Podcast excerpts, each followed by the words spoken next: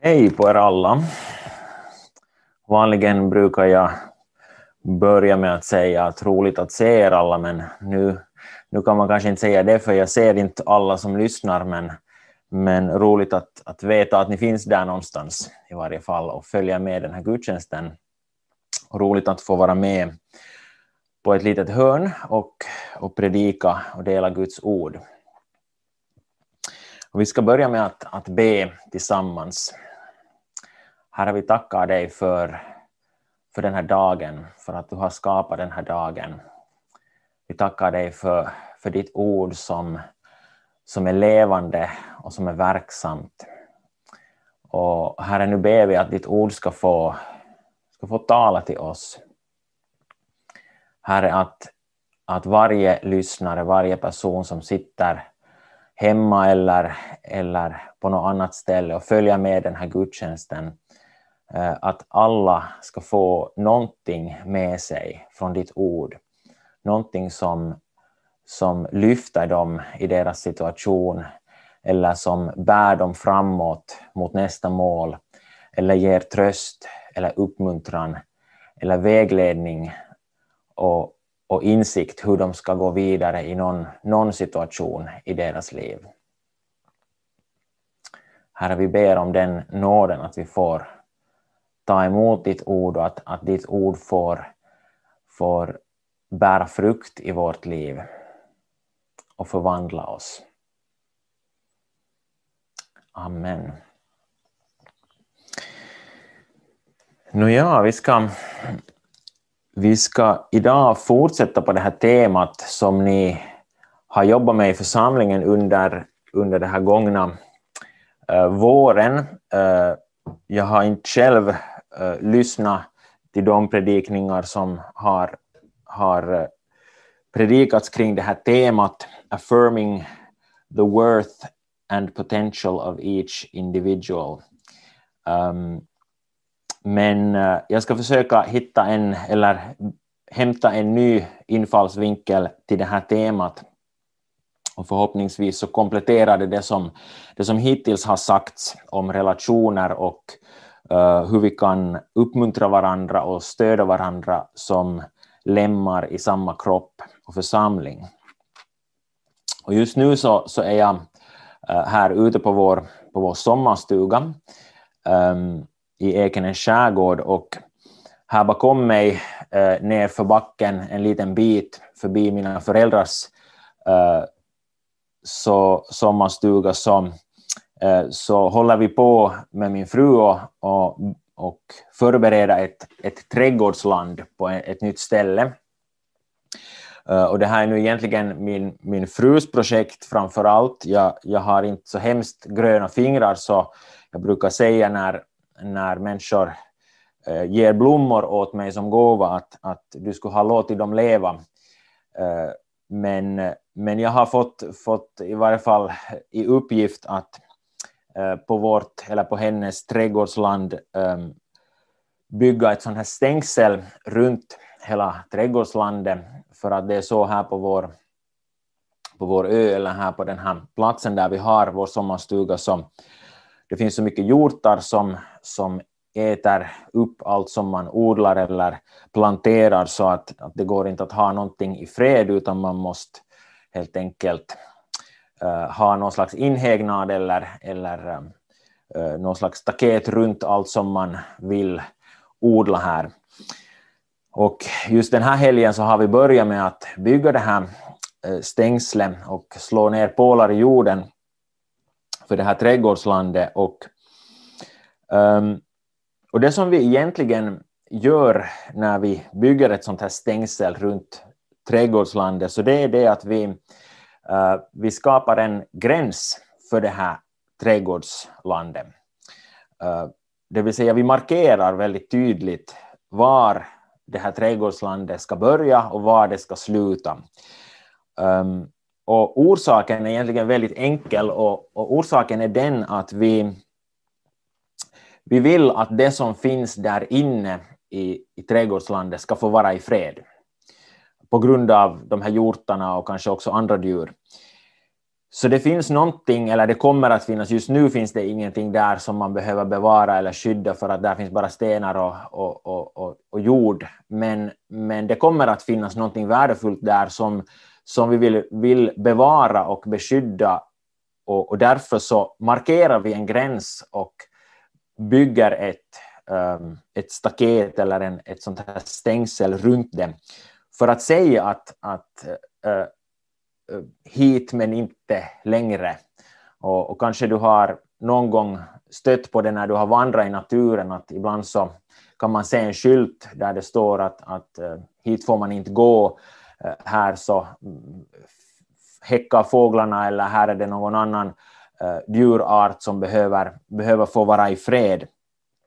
Uh, men här i vårt fall så, så eftersom hjortarna inte är läskunniga så kan man inte bara ha en skylt utan man måste ha något fysiskt som, som blockerar uh, ingången till det här området. Men principen är densamma, att vi vill ha en gräns för att, för att markera var, var, vart man får gå och vart man inte får gå. Och lite på samma sätt så när vi talar om relationer och fortsätter på det här temat som, Eh, som ni har jobbat med i församlingen under hela våren så, um, ehm, så vill jag idag tala om gränser. Och hur gränser i våra liv och i våra relationer är väldigt viktiga för att vi ska kunna beskydda våra liv och skapa utrymme i våra liv för oss själva att vara de som vi är och vara de som vi vill vara. Eh, i förhållande till andra människor. Um, och också att lära oss att respektera andras gränser för att de ska få vara och bli de personer som Gud vill att de ska vara och få göra det som, som de är kallade att göra. Uh, och, och, jag ska läsa ett, um, ett bibelställe här först från Apostlagärningarna. Och det här handlar nu inte uh, egentligen så mycket om relationer, eh, men nog om gränser. Och, och, det där, och vi kanske i det här fallet använder det här bibelstället lite bildligt. Och det är från Apostlagärningarna 17 och vers 26. Och, och där står det så här. Eh, Av en enda människa har han skapat alla människor och folk till att bo över hela jorden. Och han har fastställt bestämda tider och gränser inom vilka de ska bo. Så Gud har fastställt bestämda tider och gränser inom vilka de ska bo, stod det här.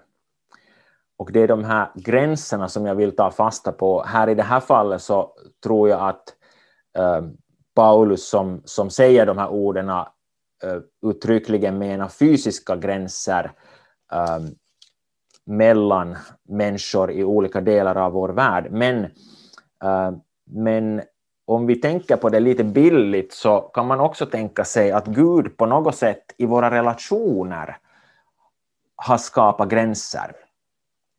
Uh, och vi känner av det uh, om, någon, om någon går över de här gränserna och kommer på något sätt för nära eller kräver för mycket och inte respekterar våra gränser så, eh, så märker vi den ofta i vårt liv. Och, och det får oss att inte må bra eh, när, när våra gränser inte blir respekterade. Och, och jag vill, vill bara liksom ta det här bibelstället som en sån utgångspunkt för att, att säga att, att eh, Gud har ingenting emot gränser. Eh, vi kanske tänker på något sätt att det är liksom som kristna så borde vi alltid liksom vara öppna för allt och alla människor och, och, och liksom inte ha några gränser åt något håll. Eh, men här så står det egentligen i det här bibelstället att Gud har fastställt gränser. Så, så gränser kan också komma från Gud. Eh, visst, de kan också komma från människor och det finns många gränser i vår värld och i relationer som inte är bra och som inte kommer från Gud. Men Gud har ingenting emot gränser som så, eh, utan han har till och med fastställt vissa gränser inom vilka vi ska verka. Eh, sen ska vi ta ett bibelställe, som, eller ett bibelsammanhang egentligen, som på något sätt kanske eh, mera sen kommer in på det här Eh, vad ska vi säga, relationsgränser eh, uh, i fråga om relationer, kanske också till och med lite psykologiskt mellan oss människor, hur gränser fungerar. Eh, ett bibelsammanhang från Lukas 10 och verserna 38 till 42, där vi läser om två systrar som hette Marta och Maria.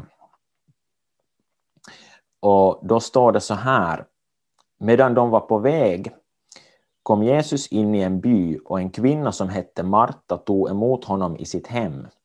Hon hade en syster, Maria, som satte sig vid Herrens fötter och lyssnade till hans ord. Marta däremot var upptagen med alla förberedelser och hon kom fram och sade Herre, bryr du dig inte om att min syster har lämnat mig att sköta allting själv? Säg nu till henne att hon hjälper mig. Herren svarade henne, Marta, Marta, du bekymrar dig och oroar dig för så mycket, men bara ett är nödvändigt. Maria har valt den goda delen och den ska inte tas ifrån henne. Och, och det här, den här berättelsen om Marta och Maria och Jesus Ehm, så beskriver på ett sätt eh, ett ganska så här klassiskt problem kan man säga i relationer. Uh, nämligen det här, eh, bakgrunden är det att det finns två personer som, um, som har olika förväntningar när det gäller rollfördelning och ansvarsfördelning, i det här fallet i, i, i Martas hem. Och, och sådana liknande situationer så uppstår um, i princip, vi kan säga dagligen, uh, på arbetsplatser, i hemmet, i församlingen, nästan, nästan var som helst där mm, i samhället där någonting behöver bli gjort så, uh, så är det här vardagligt, eller var, vardag, att uh, det finns olika förväntningar och olika, olika roller eh, när det gäller vem som ska göra vad. Två personer som är oense om, om var gränserna går, var slutar mitt ansvar, var börjar ditt ansvar? Uh, otydliga gränser som gör att det blir en, uh, en tvist eller en komplikation i någon relation. Eh, och det första som vi läser i, det här, mm, i den här berättelsen är egentligen det att Marta var den som tog emot Jesus i sitt hem eh, det stod det där i den här första meningen att Marta tog emot honom i sitt hem. Det vill säga det var Marta som egentligen var liksom den här värden. Det var hon som hade bjudit Jesus dit och tagit, tagit emot honom. Um, och då är det ju egentligen inte så konstigt att Maria känner sig lite mer fri och och sätter sig vid Jesu fötter och samtalar med honom och lyssnar till honom. Men ändå så leder det här till att Marta tappar nerverna, så att säga. Ehm, och hon upplever att det finns massor att göra där i hemmet, ehm, att det kan inte vara stökigt och, och, och det där uh, råddigt där när, när de har en hedersgäst på besök. Och så blir Marta väldigt frustrerad mot Maria och tycker att det är orättvist att hon ska göra allt. Och i det här läget så skulle man kunna tänka sig att, att på något sätt Jesus skulle ha tagit Marta i försvar. Eh, att det skulle vara liksom det naturliga att, att Jesus skulle ha sagt att, att, att hör du Maria, att Marta har nog rätt att, att nu får du liksom nog äh, ta dig i kragen och, och, och, det där, gå och hjälpa din syster med, med allt som behöver fixas. Men, men det intressanta är att, äh, att Jesus gör inte det, utan istället så tar han Maria i försvar. hon som äh, hade valt att, att sätta sig ner och ta det lugnt och vila tillsammans med Jesus medan Marta äh, lagar mat och gör annat i sitt hem. Ähm, Jesus tar Maria i försvar och säger att Maria har valt den goda delen. Så det är lite intressant att Jesus verkar vara positiv till Marias gräns. Maria hade på något sätt skapat en gräns och sagt att just nu vill jag sitta här tillsammans med Jesus och ha den här stunden med honom. Just nu så vill jag inte uh, hjälpa till i köket. Hur själviskt det än kan verka, men, men Jesus liksom egentligen berömmer Maria för att hon gjorde det här beslutet och skapade den här gränsen. Eh, så om vi går tillbaka till det här trädgårdslandet som jag berättade om i början, så, så skulle man kunna säga att Maria bygger ett stängsel runt sitt liv. Och hon tänker att den här stunden som hon har fått med Jesus är så värdefull att, att nu får allt annat vänta. Nu är allt annat på något sätt sekundärt. Det är inte oviktigt, men det får vänta. Uh, medan Marta, uh, nu låter det här väldigt så här på något sätt brutalt att jämföra Marta uh, med en hjort och säga att, att hon liksom på något sätt kommer till det här stängslet och, och och, och liksom funderat varför är det här ett stängsel att släppa in mig. Men, men det är ungefär så här som ofta i relationer olika problem och situationer i fråga om rollfördelning och, och ansvarsfördelning byggs upp. Att, uh, att det är någon, ofta någon människa som har en gräns och som har skapat en gräns för sig och sen blir någon annan frustrerad för att den märker att här så kan jag inte komma in hur som helst. Varför behöver vi gränser i våra liv? Nu, det, det finns eh, främsta orsaken är kanske det att det finns många martor omkring oss. Det finns många människor som behöver oss. Det finns många människor som, som kommer till oss med, med sina problem, eh, med sina behov, med sina frågor om, om vi skulle kunna hjälpa till med olika saker.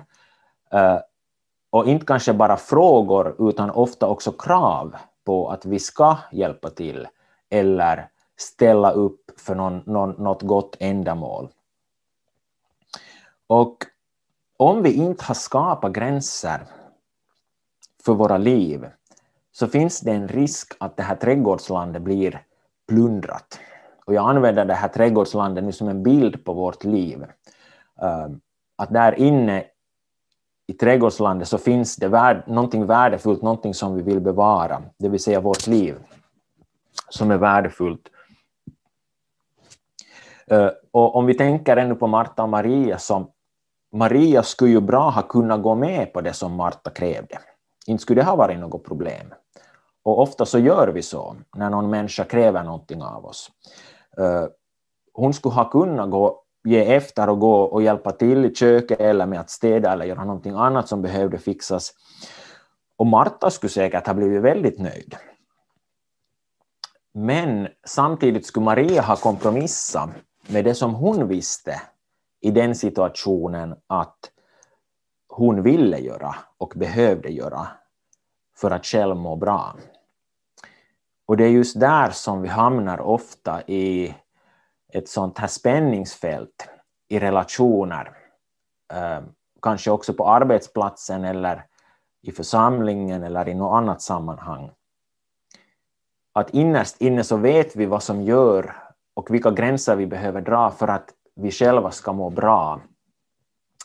Men de här kraven som kommer från olika håll gör att våra gränser flyttas och vi kompromissar med det som vi känner att vi borde uh, respektera uh, i, i, i, oss själva. Och när vi tänker sen på, på den här tiden som vi lever i, i samhället, så, så kan man säga så här att vi lever i en ganska så här gränslös tid. Alltså vårt samhälle har blivit väldigt gränslöst. Eh, det kommer hela tiden meddelanden till exempel från höger och vänster. Eller åtminstone upplever jag det så. Det kan ju hända att någon annan eh, upplever det på något annat sätt, men jag upplever att det kommer hela tiden olika eh, anspråk, olika eh, krav på att reagera på olika meddelanden på WhatsApp, på Messenger, på Snapchat eller någonting annat. Jag vet inte vilka alla olika sådana här forum du, du är med på, men, men på något sätt så är det en väldigt så här krävande, uh, nu talar vi förstås om sociala medier, men att det kan, det kan vara i något annat sammanhang också, men, men det är en väldigt krävande miljö där vi finns, därför att uh, det finns hela tiden en risk att vi hamnar flytta våra gränser och att det här egna reviret blir mindre och mindre för att vi måste hela tiden reagera på någonting omkring oss. Så jag tänkte att nästa gång jag, jag köper en ny telefon så, så, så kanske jag helt enkelt mm, frågar att, i butiken att om de har en sån telefon dit det inte kommer så mycket meddelanden och ser, ser vad det leder till. Om, om det skulle finnas en sån telefon så skulle jag vara beredd att, att köpa en sån. Men eh, men det finns, det finns en risk för oss alla att vi, eh, vi blir gränslösa i förhållande till det som sker omkring oss. Och det tror jag att, att inte är Guds tanke. Um, ehm, och det, att, att, att skapa en gräns så är på något sätt att, att ge sig själv tillåtelse att inte behöva hela tiden reagera på allting som människor kräver av oss eller frågar av oss. Inte åtminstone att, att måste reagera direkt uh, på den sekunden. Och att vårda sitt inre så är också någonting vi, vi behöver tänka på just till exempel på sociala medier. Um, att göra som Maria, att, att bygga ett sånt här stängsel eller en, en sån här markör att, att vi beskyddar vårt eget liv. Och, och för en tid sedan, eh, eller det börjar vara ett, ett år sedan ungefär, så läste jag en, en bok som handlar om, uh, om utmattning och, um, uh, och um, utbrändhet och, och, hur man kan undvika och förebygga utmattning, men också hur man kan återhämta sig. Och där fanns en ganska bra övning. Det var en sån här väldigt enkel övning som vem som helst kan göra. Det enda man behöver är, är papper och penna. Och den här övningen um, går ut på det att, att man spontant skriver ner på det här pappret hundra meningar uh, där varje mening börjar med orden ”jag vill inte mera”. Uh, och uh, inte så att man liksom går omkring en hel dag och funderar på att, att, att vad är det jag inte vill mera, utan, utan ganska så här spontant och, och, och direkt bara öser ur sig allt som, som liksom, eh, på något sätt först kommer eh, i, i ens tank, tankar. Skriva ner hundra meningar, numrera dem 1, 2, 3, 4 upp till hundra och, och börja varje mening med orden ”jag vill inte mera”. Och det var en ganska intressant övning att göra och, och att sen själv eh, sen, sen senare eller eller efter att man har gjort den här övningen, läsa alla de här meningarna, vad man egentligen har skrivit ner. Vad är det första som kommer till, till mig? Jag kom inte faktiskt till 100 meningar, måste jag erkänna. Jag, jag kom till 78 meningar eh, som jag lyckades komma på sådär eh, i stunden. Sen tog, sen tog fantasin slut, eller sen fanns det inte flera saker mer som jag inte ville, ville göra, men, men det var en väldigt nyttig övning och, och jag skulle vilja ställa den här samma frågan till dig idag eh, och, och be dig reflektera över den och, om du vill så kan du också göra den här, mening, eh, den här övningen med de här meningarna. Eh, men jag skulle vilja fråga dig att vad är det som du inte längre vill göra? Som kristna så är vi, är vi liksom mästare på ofta att, att Eh, eller det skulle vara liksom ingen konst för, för många av oss tror jag att skriva en, en lista på hundra saker som vi borde göra. För att det, det är liksom lite det som vi har lärt oss kanske ofta i församlingen också, att det finns en massa saker som vi borde göra och vara bra på och hjälpa till med och, ehm, och så vidare. Och den här övningen är liksom lite om eh, att, att på något sätt tänka omvänt, att vad är det jag inte vill göra? Uh, vad är det jag kanske har gjort i många år och som jag inte mera skulle vilja göra. Och därifrån, från den här reflektionen, så kan det sen komma ganska intressanta upptäckter om hur vårt liv ibland också formas till att se ut på ett sätt som vi inte egentligen hade tänkt. Men det formas av andra människors krav, andra människors förväntningar på hur vi borde vara. Ehm, och i slutändan så kan vi ha ett liv som egentligen ser, eh, ser väldigt annorlunda ut än vad Gud hade tänkt när han skapade oss. Därför att, eh, därför att vi, har, vi har glömt de här gränserna som Gud ville att vi skulle ha gentemot andra människors krav. Um, Maria kanske skulle ha skrivit som första mening eller som trettionde mening i den här övningen, att jag vill inte hjälpa till i köket bara för att Marta kräver det av mig. Det var helt uppenbart en sån grej som Maria var trött på eller inte ville göra.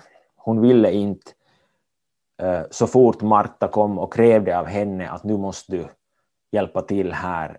Så hon ville inte rusa dit och bara göra det för, för Martas skull eller för att Marta ville det, utan, eh, utan hon, ville, hon ville känna sig fri i förhållande till de här kraven. Och ofta är de här områdena där vi känner att det här vill jag inte mera göra. Det, det kan vara ofta sådana områden i våra liv där vi på något sätt har blivit utnyttjade eller överkörda i något skede i vårt liv.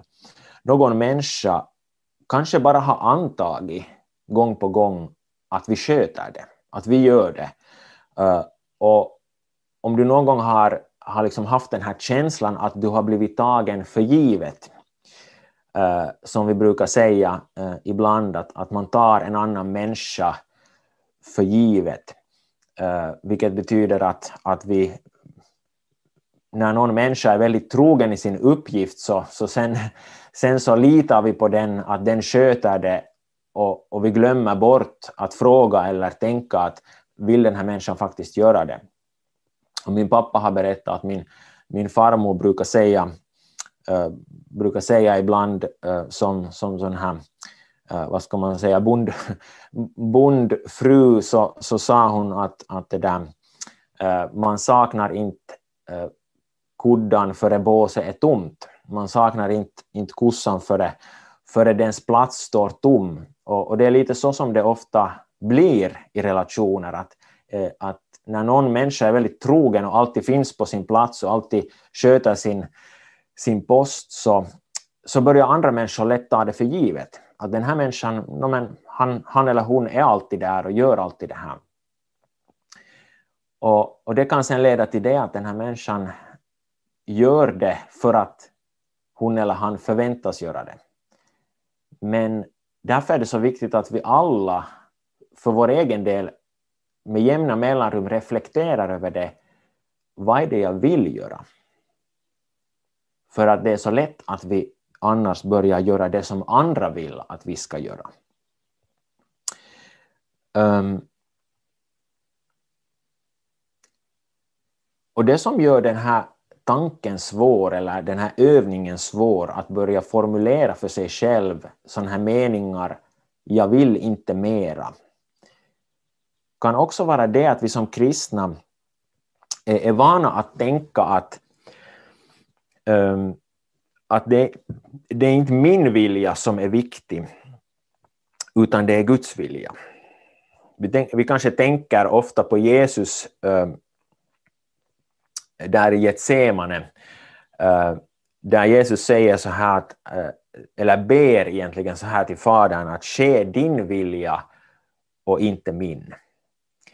Det vill säga Jesus lägger ner sin vilja och, och ber samtidigt att, att Faderns vilja ska ske i hans liv. Um, och nu är det ju faktiskt så att det finns situationer där Gud vill att vi ska lägga ner vår egen vilja. Det finns situationer där Gud vill att vi ska agera osjälviskt i förhållande till någon annan människa. Um, så det är inte alls en främmande tanke att, att vi som kristna också måste ibland lägga ner vår egen vilja för att, att göra det som Gud vill att vi ska göra. Men sen finns det situationer där vi kompromissar med vår egen vilja, inte på grund av någonting som Gud har sagt åt oss och bett oss göra, utan på grund av människorna omkring oss på grund av eh, någon slags sån här lojalitets och pliktkänsla gentemot människor i vår omgivning. Och, och, då kan det hända att vi lägger ner vår vilja inte för Guds skull eller för Guds rike utan för de här människorna, för att de ska vara nöjda. Och för att vi inte ska behöva kanske ställa till med, med Ehm, besvikelse i våra relationer. Och därför så skulle jag vilja säga i fråga om gränser så här att, att det är inte själviskt att du vill göra någonting. Att du faktiskt själv känner att det här vill jag göra. Eller att du på motsvarande sätt känner att det här vill jag faktiskt inte göra. Och speciellt om det är någonting som vi ofta kopplar till att vara en, en bra kristen, att, att göra någonting som, som vi ofta förknippar med att, att en bra kristen så, så till exempel hjälper till med, med, med någon viss grej i församlingen eller någonting sånt. Ofta där så, så kan vi ha svårt att liksom markera för oss själva att nu känner jag att det här är inte min uppgift. Eh, och vi kanske tänker att nu är jag självisk om jag, om jag liksom backar från det här eller om jag, om jag säger att nu vill jag inte göra det här. Men för att gå tillbaka till Marta och Maria, så Jesus anklagar inte Maria för att vara självisk. Även om det skulle ha på något sätt legat väldigt nära till hans att han skulle ha kunnat göra det. Och ibland så, så gjorde han det också med människor, för, förebrådde dem för att, att, um, att vara själviska på något sätt. Men i det här fallet så, så gjorde han inte det, utan han, eh, han alldeles tydligt bekräftade den här gränsen som, som Maria hade dragit. Och jag kommer ihåg eh, från, mm, eh, från mitt jobb eh, för mm, många år sedan, över tio år sedan, eh, där jag jobbade då, så, så hade jag bett om att få bli tjänstledig. Och, ehm, och jag hade suttit, eller jag hade egentligen varit ordförande för en arbetsgrupp som jobbar med, med strategi och, och vision. Och, och, och så var det så att när jag då hade blivit beviljad tjänstledighet så kom det ändå en förfrågan om att jag skulle kunna fortsätta och dra den här arbetsgruppen. Och, och min, min, egen tanke och min egen känsla framför allt eh, när jag tänkte på hur jag mådde och, och liksom vad jag behövde själv, så var att, att, att nu är en sån tid i mitt liv när jag behöver liksom kunna släppa allt. Eh, inte bara, inte bara liksom det, det mesta och det, de flesta uppdragen utan faktiskt liksom kunna känna att nu är jag fri från, från all, alla de, de åtaganden som jag, som jag dittills hade haft. Och då var det en, en person som, som, uh, som kom med en, en stark en ledande person som kom med en stark önskan till mig att jag skulle, jag skulle ändå fortsätta i den här arbetsgruppen fast jag blev tjänstledig.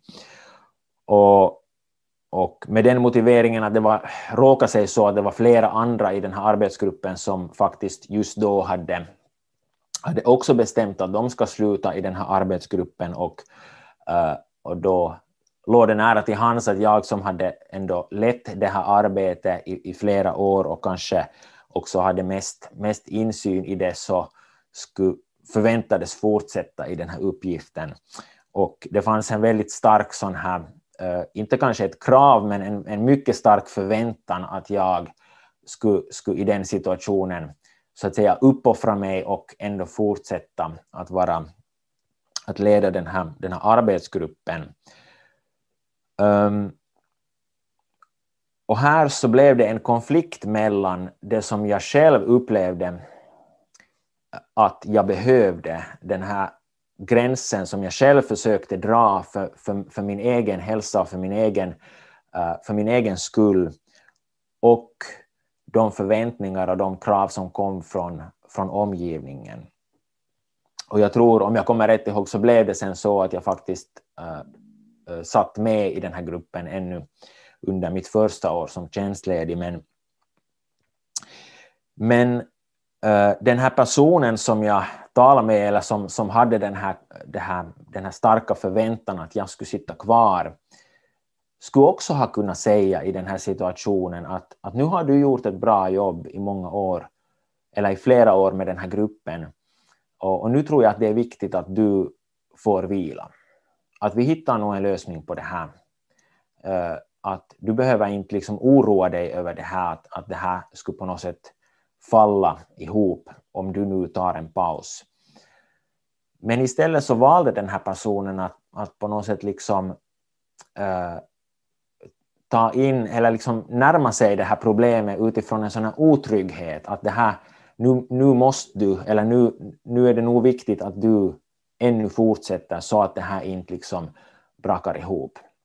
Och ofta är det lite så tror jag att när vår tilltro till Gud, att Gud har lösningar och att Gud har makt att, att liksom förse med resurser där var det behövs, när den tilltron är svag, det är då som vi börjar ställa krav på andra människor. Men när vi har en förtröstan på att, att det är Gud som egentligen vet var, var olika människor ska, ska liksom satsa och ge av sin tid och sin energi i varje enskilt, eller i varje, varje period, så då kan vi också vila i det. Även om någon människa tydligt markerar att just nu vill jag inte göra det här, eller nu, nu har jag inte krafter för det här. Eh, och vi ska ännu här eh, mot slutet tala lite mer om det här att respektera andras gränser. Men jag ska fortsätta ännu lite på det här trädgårdstemat och ta ett bibelställe från Jesaja 58. Och, och jag börjar där från, från nionde versen och andra, andra delen av versen där det står så här. Om du gör dig av med alla ok, om du slutar att peka finger och tala onda ord, om du delar med dig av vad du har åt den hungrige och mättar den som lider nöd. Då ska ditt ljus gå upp i mörkret och din natt bli som middagens ljus. Och Herren ska alltid leda dig. Han ska mätta dig i ödemarken och ge styrka åt benen i din kropp. Du ska vara som en vattenrik trädgård och likna en källa vars vatten aldrig sinar. Du ska vara som en vattenrik trädgård och likna en källa vars vatten aldrig sinar. Här står det att för att våra liv ska bli en vattenrik trädgård så måste vi göra oss av med alla ok. Och jag tror att när den som, den som talar de här orden ursprungligen så, så det där, tror jag att främst åsyfta ok som vi lägger på andra människor. Och, och, och det, det, är ju det som också gränser handlar om, att respektera andras, andras gränser. Men vi kan också tänka på ok som, som finns i vårt eget liv eller över vårt eget liv. Att ibland så behöver vi göra oss av med ok som människor har lagt på våra axlar att bära. Um, och ett ok, jag börjar lite, lite också googla det här för att då jag inte själv eh, har jobbat så hemskt mycket med oxar um, och, och, det där, nog, nog med andra envisa varelser tänkte jag säga, men inte, inte så mycket med oxar, men, men det där uh, så så började jag googla lite att vad är ett ok egentligen eller var, varför har man ok? Och, och det där, ett ok är någonting som man lägger på, på, på djurets skuldror. Eh, och ofta också på flera djur för att få dem att jobba i par och, och liksom synkroniserat så att säga. Så det är liksom ett sånt här tvångsmedel kan man säga för att, för att liksom få djuren att, att, mm, att underordna sig eller, eller um, fungera enligt order. Och människor kan ibland lite på samma sätt lägga uh, olika ok på oss som tvingar oss att jobba på ett visst sätt eller att, att jobba med någon viss grej. Och när vi går, går under det här oket, eller de här oken, så, så tappar vi ofta våra gränser.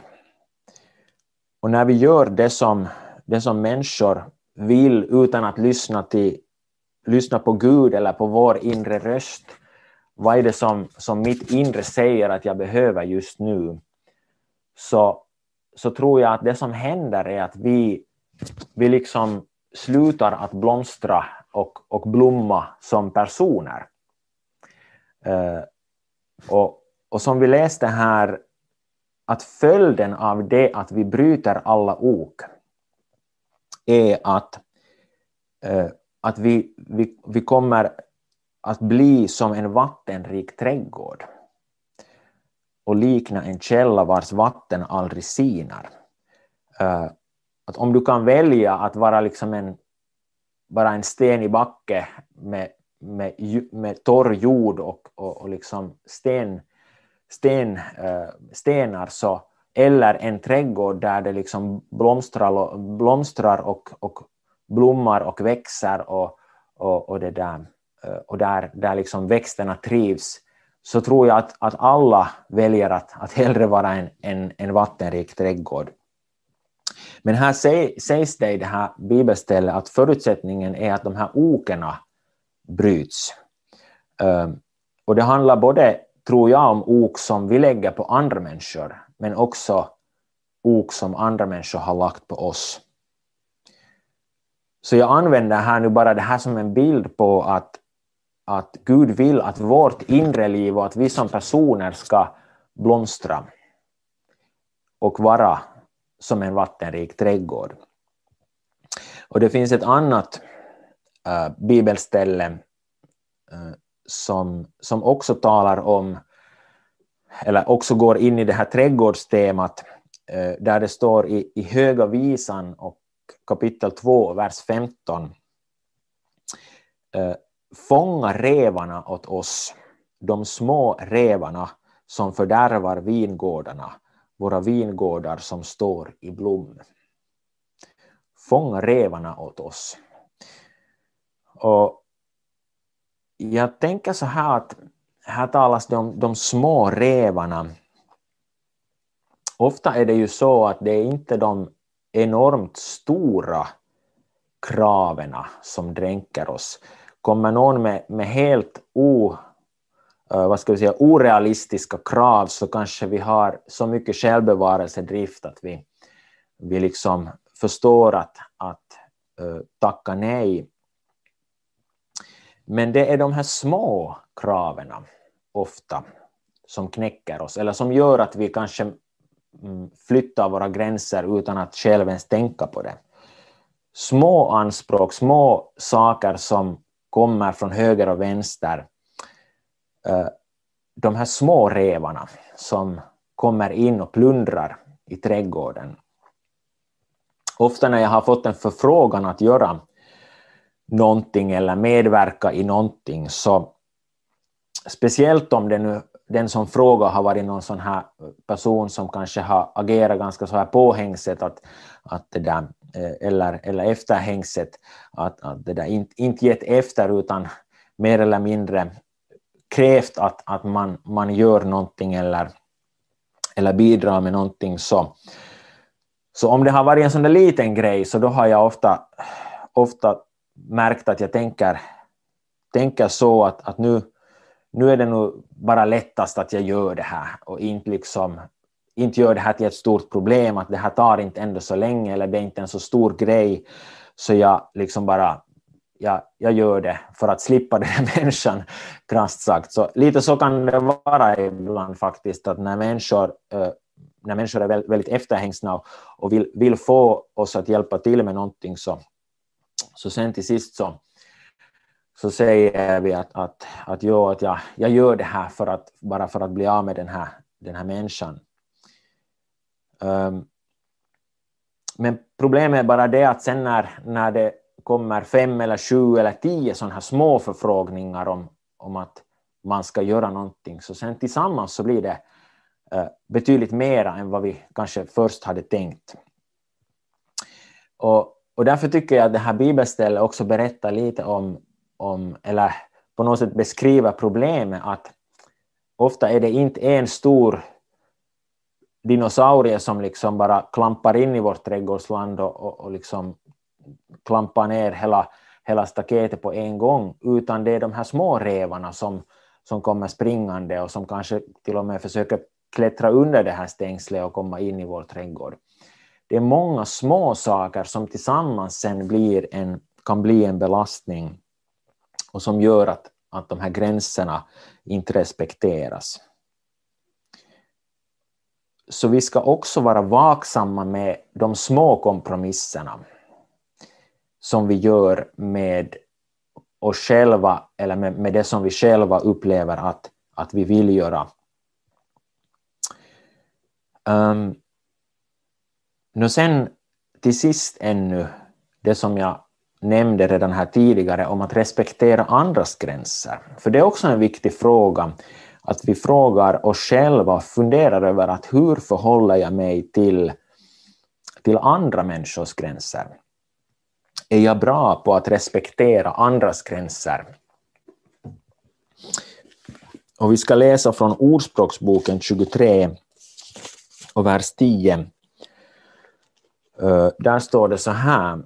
Flytta inte en gammal gränssten och gör inte intrång på den faderlösas åkrar, för deras återlösare är stark. Han ska föra deras talan emot dig.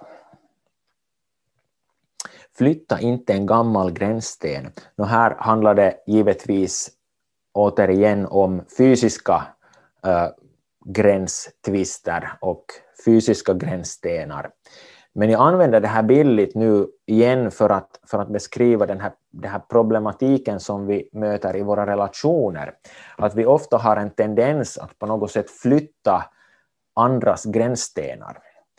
Eh, att andra människor kanske har försökt vara tydliga och markera sitt, sin, sin liksom, um, gräns, hur långt de är beredda att gå, vad de kan bidra med, vad de kan göra. Men sen så är vi alltid frestade att på något sätt lite gå och flytta den här gränsstenen. Och vi pastorer speciellt, för att nu eh, vara så här lite självkritisk, så, så tror jag att vi pastorer speciellt har ofta en, en otrolig förmåga att, att flytta andras gränsstenar och, och, och säga, eh, jag tror att ett av de vanligaste, en av de vanligaste fraserna är kanske det att, att skulle du kunna tänka dig att ännu, skulle du kunna tänka dig att att ännu göra det här ett år till eller eh, lite som med den här arbetsgruppen som jag berättade, där jag själv fick en sån förfrågan att, att skulle du nu inte kunna tänka dig att ännu leda den här arbetsgruppen ett år till. Så fast jag själv hade liksom satt den här gränsstenen och tänkt att nu försöker jag vara tydlig, men sen var det ändå någon som kom och, och, och försökte flytta på den här gränsstenen och säga att, att, men att skulle du nu inte kunna. Och det, det är på ett sätt ganska respektlöst att människor försöker sätta upp gränser och sen så accepterar vi inte, eller vi respekterar inte de här gränserna. Och därför så, återigen så är det intressant med Marta och Maria att, att Jesus faktiskt respektera och bekräfta den här gränsen som Maria hade, hade skapat. För jag tänker så att vi kan i, i många situationer välja att antingen befria människor eller binda människor. Och ibland så har jag stått inför sådana situationer där eh, alltså faktiskt riktigt, eh, för att vara riktigt ärlig, riktigt svåra situationer där människor har låtit förstå att, att om jag nu inte gör som de vill så förstör jag deras liv. Och det här är förstås helt eh, eh, liksom, exceptionella situationer där, där liksom de här kraven får, får sådana proportioner och kan bli helt liksom, manipulativa. Men, men det kan hända ibland att människor säger och det har hänt vid flera till, tillfällen att människor har sagt åt mig att, att om jag inte går med på det här så då förstör jag deras liv. Ett väldigt effektivt sätt att få makt över en annan människa är att ge den dåligt samvete. Bara ett enkelt exempel från parförhållande den som är i ett parförhållande, den andra, de andra kanske kan tänka på någon annan relation där det kan uppstå ett, ett, en liknande situation. Men om din fru eller din man ber dig en, om en ledig kväll och ber, ber om att fara, få fara ut till exempel och träffa sina vänner och du säger att absolut ska du få göra det, att du behöver det. Och jag tar hand om barnen och jag diskar och jag lägger dem fast och sova om du vill stanna hela kvällen och så vidare. Det är ett sätt att agera. Och det andra sättet kan vara att man säger Nå, ja, nå, far nu då. Om, om du känner att du behöver det så far nu då. Och, eller i värsta fall kanske vi säger Nå, men att lämna mig här då med, med barnen och, och det där och, och hushållet ensam, men du far då om, om, du, om det är det du vill. Och han eller hon kanske far och, och, och, och liksom tar den där möjligheten, men inte med gott samvete, för att, för att vårt sätt att agera har inte befriat honom eller henne, utan det har bundit honom eller henne vid ett dåligt samvete eller, eller på något sätt en känsla av att gjorde jag nu rätt? Så jag tänker att det här är nu bara ett exempel som var och en får, får liksom, uh, anpassa till sin egen situation, men, men poängen är bara det att vi kan hjälpa varandra att skapa gränser. Genom att göra det som Jesus gjorde i förhållande till Maria, att bekräfta deras rättigheter, bekräfta de gränser som de försöker sätta. Och bekräfta att det är helt okej okay att du gör det här. Det är helt okej okay att du att du nu tar en paus från den här arbetsgruppen eller att du uh, tar mera tid för din familj eller, eller uh, tar mera tid för att, att göra någonting annat fast det skulle vara bara att vila och, och, och liksom ta tid för dig själv. Så vi kan välja att vara befriare istället för människor som, som ger andra personer dåligt samvete och, och säga att, att jag välsignar dig i det här beslutet som du gör att, att skapa den här gränsen och att, att markera att nu är det det här som jag vill göra och, och nu är det det här som jag behöver göra. Vi ska ännu be, be till sist och, och det där. tacka Gud. Herre, vi, vi tackar dig för att du är en Gud som har skapat gränser och du är inte emot gränser eller du är inte eh, på något sätt negativt inställd till att det finns gränser för mm, vad vi ska göra och vad vi inte ska göra. Och jag vill be Herre speciellt idag för, för de personer som lyssnar till den här sändningen just nu och som uh, känner att deras gränser har blivit övertrampade eller nertrampade vid olika tillfällen i deras liv. Att, att, att deras gränser har inte respekterats eller deras försök att sätta gränser har inte respekterats. Och jag vill välsigna de människorna med, med, en, med, med hjälp från dig att, att på nytt våga liksom resa den här gränsstenen och säga att, um, att här, här går den här gränsen och, och, och här, så här långt vill jag sträcka mig men inte längre.